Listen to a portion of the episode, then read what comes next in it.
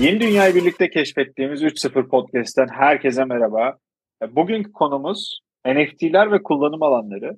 Bildiğiniz gibi daha önceki bölümlerde de konuştuk. NFT'ler geçtiğimiz yıllarda ya da ilk hype olduğu zamanlarda daha çok pahalı ve kaliteli maymun resimleri ve onun dışında digital art gibi e, alanlarda daha çok kullanımı vardı ki önümüzdeki günlerde yine digital art ve işte sanat kategorilerinde de kullanım oranının artacağını da düşünüyoruz.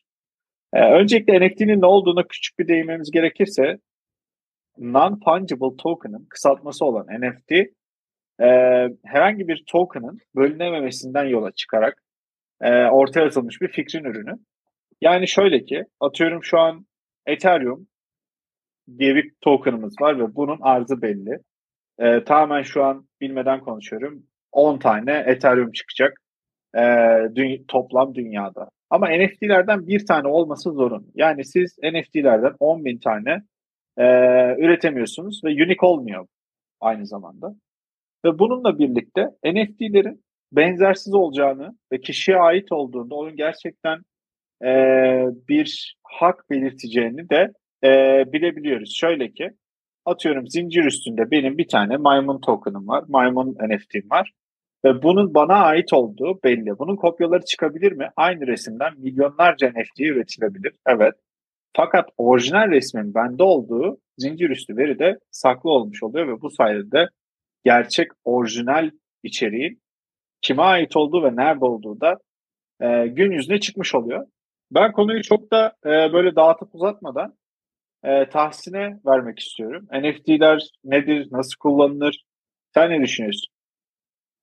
Evet Eftel e, gayet güzel bir tanımlama oldu. E, kısa ve öz yani NFT'nin ne olduğunu anladık. E, NFT aslında bugün günümüzde kullanım alanının evet senin dediğin gibi sadece bir JPEG e, ürün dosyasında ya da OpenSea'de sergilenen e, bazı ürün gamında e, sınırlandırılabileceğini düşünmüyoruz. E, gelecekte hangi noktaya e, evrileceğini herkes merak ediyor. Herkesin sorduğu soru bu. NFT sadece bunun üzerinde, bunun alanında mı kalacak diye. E, ben yine e, e her zaman düş üzerime düşen görevde ülkemizde bu konunun nasıl değerlendirdiğini e, bir kısa atıfta bulunmak istiyorum. E, yaklaşık herhalde 8-9 ay önce olması lazım. Cumhurbaşkanlığı Dijital Dönüşüm Ofisi e, Türk Dil Kurumu ile koordineli, koordineli çalışmaları sonucunda NFT'ye bir Türkçe karşılık, Türkçe karşılığının ne olabileceği üzerine bir e, fikir yürüttüler, bir çalışma yapıldı. Bunun sonucunda da NFT'nin Türkçedeki karşılığında nitelikli fikri tapu, nitelikli fikri tapu olarak yine aynı şekilde NFT e, kodlamasıyla bir isim bulundu. Aslında burada nitelikli fikri tapu kelimesi bir yandan NFT'lerin bir hukuki sorumluluğu olacağını, aynı zamanda fikri sinayi hani bu e, fikirlerin korunmasını, aynı zamanda tapu kelimesi geçirilerek aslında bir sonraki evrede bize neler gösterebileceği üzerine bayağı bir fikir vermiş oldu. Bence güzel bir çalışma isim olarak. İsim çalışmasını ben e, doğru ve hoş buldum. E, ama burada şunu merak ediyor herkes. Evet nitelikli fikri tapu bize neler getirebilir? Ya da işte İngilizce adıyla hani NFT'nin bize e, değiştirilemez tokenların bize e, nasıl bir imkan sunacağı teknolojik olarak ya da e, kullanım açısından, kullanıcı deneyim açısından nasıl bir katkı sunacağı çok merak ediliyor. E, burada da NFT'nin kullanım alanlarına değinmek gerekiyor esasen. E, orada şöyle e, karşımıza aslında e, 4-5 tane şu anlık mevcut durumda kullanım alanı çıkıyor. Hani burada kullanım alanlarının başında bana göre her zaman NFT'ler sanatlanıldığı için ben birinci sıraya yine sanatı koyuyorum. Çünkü NFT'ler sanat eserlerinin dijital olarak satılmasını ve korunmasını sağlıyor. E, bu sayede aslında sanatçılar eserlerinin özgünlüğünü ve değerlerini doğrulayabiliyorlar. Ama burada yine bir parantez açıp incelemek gerekiyor. İşte bugün e, müzik platformu, dijital müzik platformları üzerinde e, müzik dinliyoruz. Eskiden şey vardı, işte hepimiz kullanmışızdır. Özellikle benim yaşımda olan arkadaşlar hatırlarlar. CD, e, kaset, bu tarz şeyler vardı. Sanatçılar albüm yaparlardı, bu albümler satılırdı ve bundan ciddi bir kazanç sağlarlardı. Şimdi dijital platformlar biraz e, bunların önüne geçiyor. Aslında sanatçının e, ortaya koyduğu performansın maddi olarak ödüllendirilmesinde bir eksiklik yaratıyor. Yani belki ileride şöyle bir şey olabilir mi acaba? İşte bir şarkının NFT hale getirilip e, bu NFT'ye sahip olanlar belki de 001 kuruş ödeyip tamamen örnekleme yapıyorum. Bu şarkıyı sürekli dinleyebilecekler. Ama herkesin 001 kuruş attığı bir sistemde eskiden sanatçının kazandığı, albümden kazandığı parayı biz NFT'ler sayesinde başarabiliriz. Elimizde böyle bir e, bence ileride bir data olacak gibi geliyor bana. Ben en azından öyle düşünüyorum. İkinci seçenek oyunlar var. E, oyunlar, NFT'ler oyunlar için özel ögelerin satışını ve dağıtımını kolaylaştırıyor. Yani örneğin hani e, oyunun ismini de verebilir miyiz? Veririz. E, PUBG'da işte oyun oynuyor arkadaşlar. Burada özel karakterler, özel kıyafetler, özel eşya satın almak isteyen oyuncu bu ögeyi temsil edecek bir NFT satın alarak bu ögeyi elde edebilir. Hatta bununla ilgili çalışmalar da var diye biliyorum oyunlarla ilgili. Aktifte şu anda e, oyun projelerinde NFT'lerin aktif olarak kullanılmasına da geçildi. E, üçüncü sırada koleksiyonlar geliyor. Bunların başında koleksiyonerler biliyorsunuz değerli ögeleri dijital olarak satın almasını ve korunmasını sağlar. Örneğin bir koleksiyonu bir parçası olarak özel bir kart veya madalya gibi ögelerinin NFT'lerini satın alabilir. Bunu daha çok ben şey gibi düşünüyorum. İşte Dünya Kupası yapıldı. Dünya Kupası'nın futbol topunun NFT'si. Örnek. E, ya da özel bir koleksiyon, özel bir serinin tanıtımı. İşte bunu Rolex saat gerçekleştirdi. İlk özel 100 saatine özel bir NFT tasarımı yaptı ve bunu koleksiyon olarak duyurdu. Bunun gibi. Ee, bir de geçenlerde bahsettiğimiz e, bir önceki podcast'i yanlış hatırlamıyorsam Eftel hatırlıyor musunuz? Ee, şunu demiştik. Fiziki varlıkların NFT'leştirilip dijital ortama geçirilip burada satılması. Evet, ee, fiziki 2023. varlıkların Aha, aynen Bence. 2023 doğru. Gelecek beklentilerinde konuşmuştuk. Ee, burada da o da önemli. Bence fiziki varlıklarımız işte Türk Dil Kurumu'nun da fikri nitelik, nitelikli fikri tapu derken tapu kelimesi orada geçiyor. Belki de yarın aracımızın satış noter işlemini ya da evimizin tapusunu ya da elimizde kıymetli fiziki bir materyali belki de dijital varlık olarak NFT'ler sayesinde takas edebileceğiz, satın alabileceğiz ya da sergileyebileceğiz. E, bu unsurlar bize önümüze gelecekte NFT'ler hakkında ne koyacağını, ne sunacağını biraz ortaya koyuyor. Biraz fikir sahibi olabiliyoruz en azından. E, bir de bu işin bu boyutunu değerlendiriyorum. E, başka da ekleyeceğim bu konuyla ilgili şu anlık bir şey yok. Hani içerik oluşturucular eklemeyi unuttum. E, onu da söyleyeyim. NFT'ler hani içerik oluşturucular veya işte bu YouTube'dur vesaire bu tarz dijital içeriklerin özgünlüğünü ve değerini doğrulamanın ve korumanın yolunu sağlayacaktır bize. Yani örneğin e, hatta şu da olabilir. Bir yazarın kitabı da mesela e, dijital bir NFT'sini satın alabilir okuyucu. Kitapta da bunu yapabiliriz. Bir dergide de bunu yapabiliriz. Yani içerik oluşturucular için de NFT'ler yeni bir fırsat doğuracağını düşünüyorum açıkçası. Kesinlikle. Ben burada birkaç ekleme de yapmak istedim. Hı hı. Ee, B2B dünyasında markaların sadık müşteri kitlesini oluşturmak için işte kullandığı bazı şeyler vardı ve bunların da yavaş yavaş NFT'ye kayacağını ve kaydığını da gördük. Öncelikle TOG'un e, kime öncelik vererek araç satışına başlayacağı konusunda NFT kullanımı ülkemizdeki gelişmelerden biriydi. Fakat dünya çapında Adidas gibi, Nike gibi büyük ayakkabı firmalarının da NFT satışı yapıp ve bu NFT satışından e, sonrasında o NFT'ye sahip kişilere lifetime bir indirim sunduğu ya da belli bir ürün grubunda e, öncelik sunduğu gibi durumları da gördük ve bunu görmeye de devam edeceğiz. Bunun dışında Calder adında bir e, startup şu an e, markaların daha çok loyal e, marketing kısmında yani işte sadık müşteri oluşturma kısmında e, daha çok kişiye erişmesini sağlamak için bir e, platform geliştirip bu platforma da yatırım almaya başladılar ve bunu kullanılmaya da başladı. Yani aslında şu an geleneksel dünyada gördüğümüz marketing tool'ları'nın Web3 hali de NFT'ler sayesinde daha da kolaylaşacak gibi duruyor.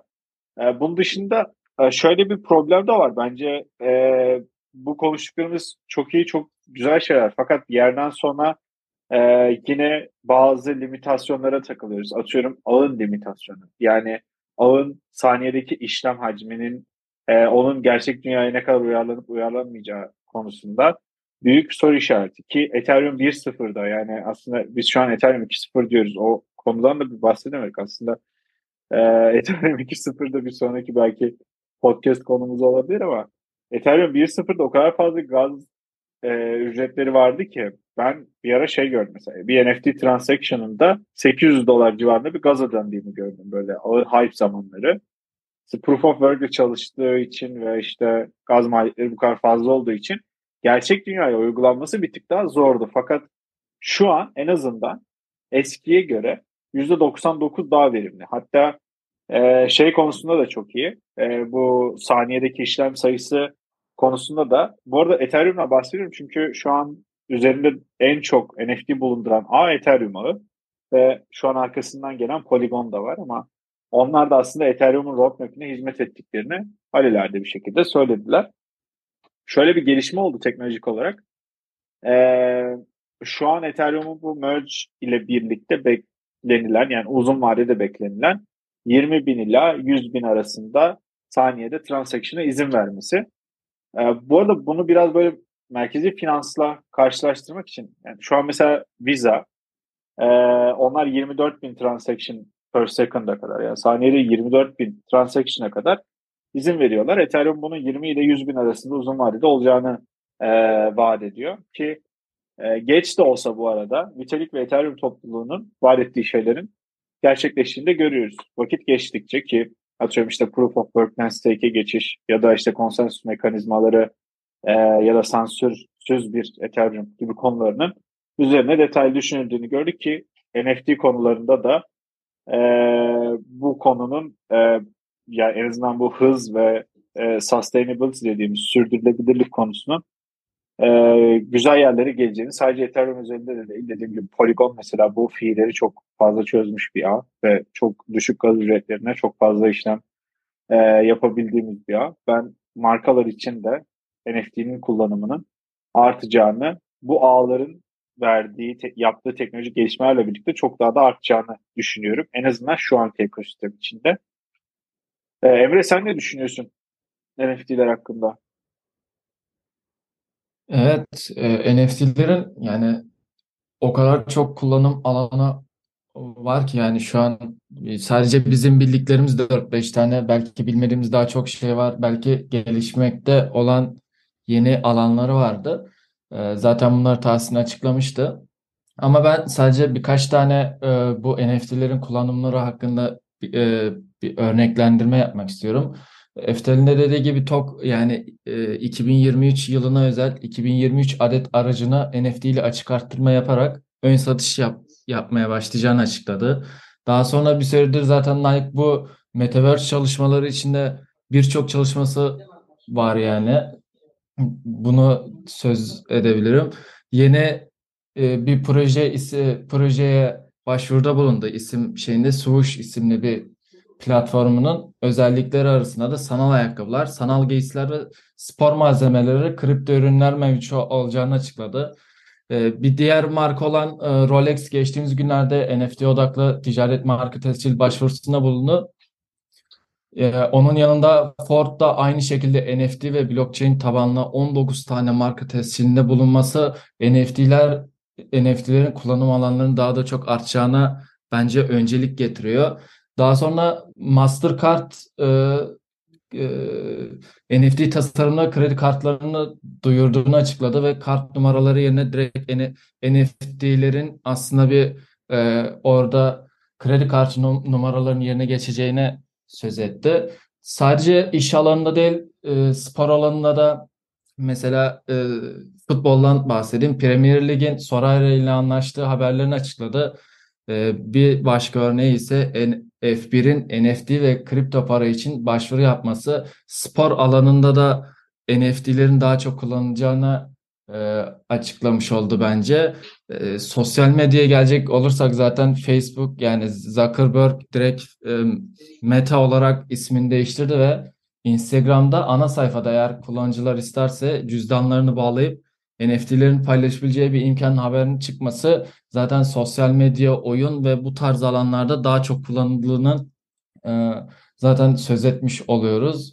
Yani benim söyleyeceklerim bunlar daha çok işte kullanım alanlarının olması gerektiği olacağının da zaten isminden kaynaklı fikri tapu ve değiştirilemez bir şey olduğunun sadece o kişiye ait olduğu için normal dijital tapu olarak da kullanabileceğiniz e, kullanılacağını düşünüyorum yani. Benim söyleyeceklerim bu kadar. Harika.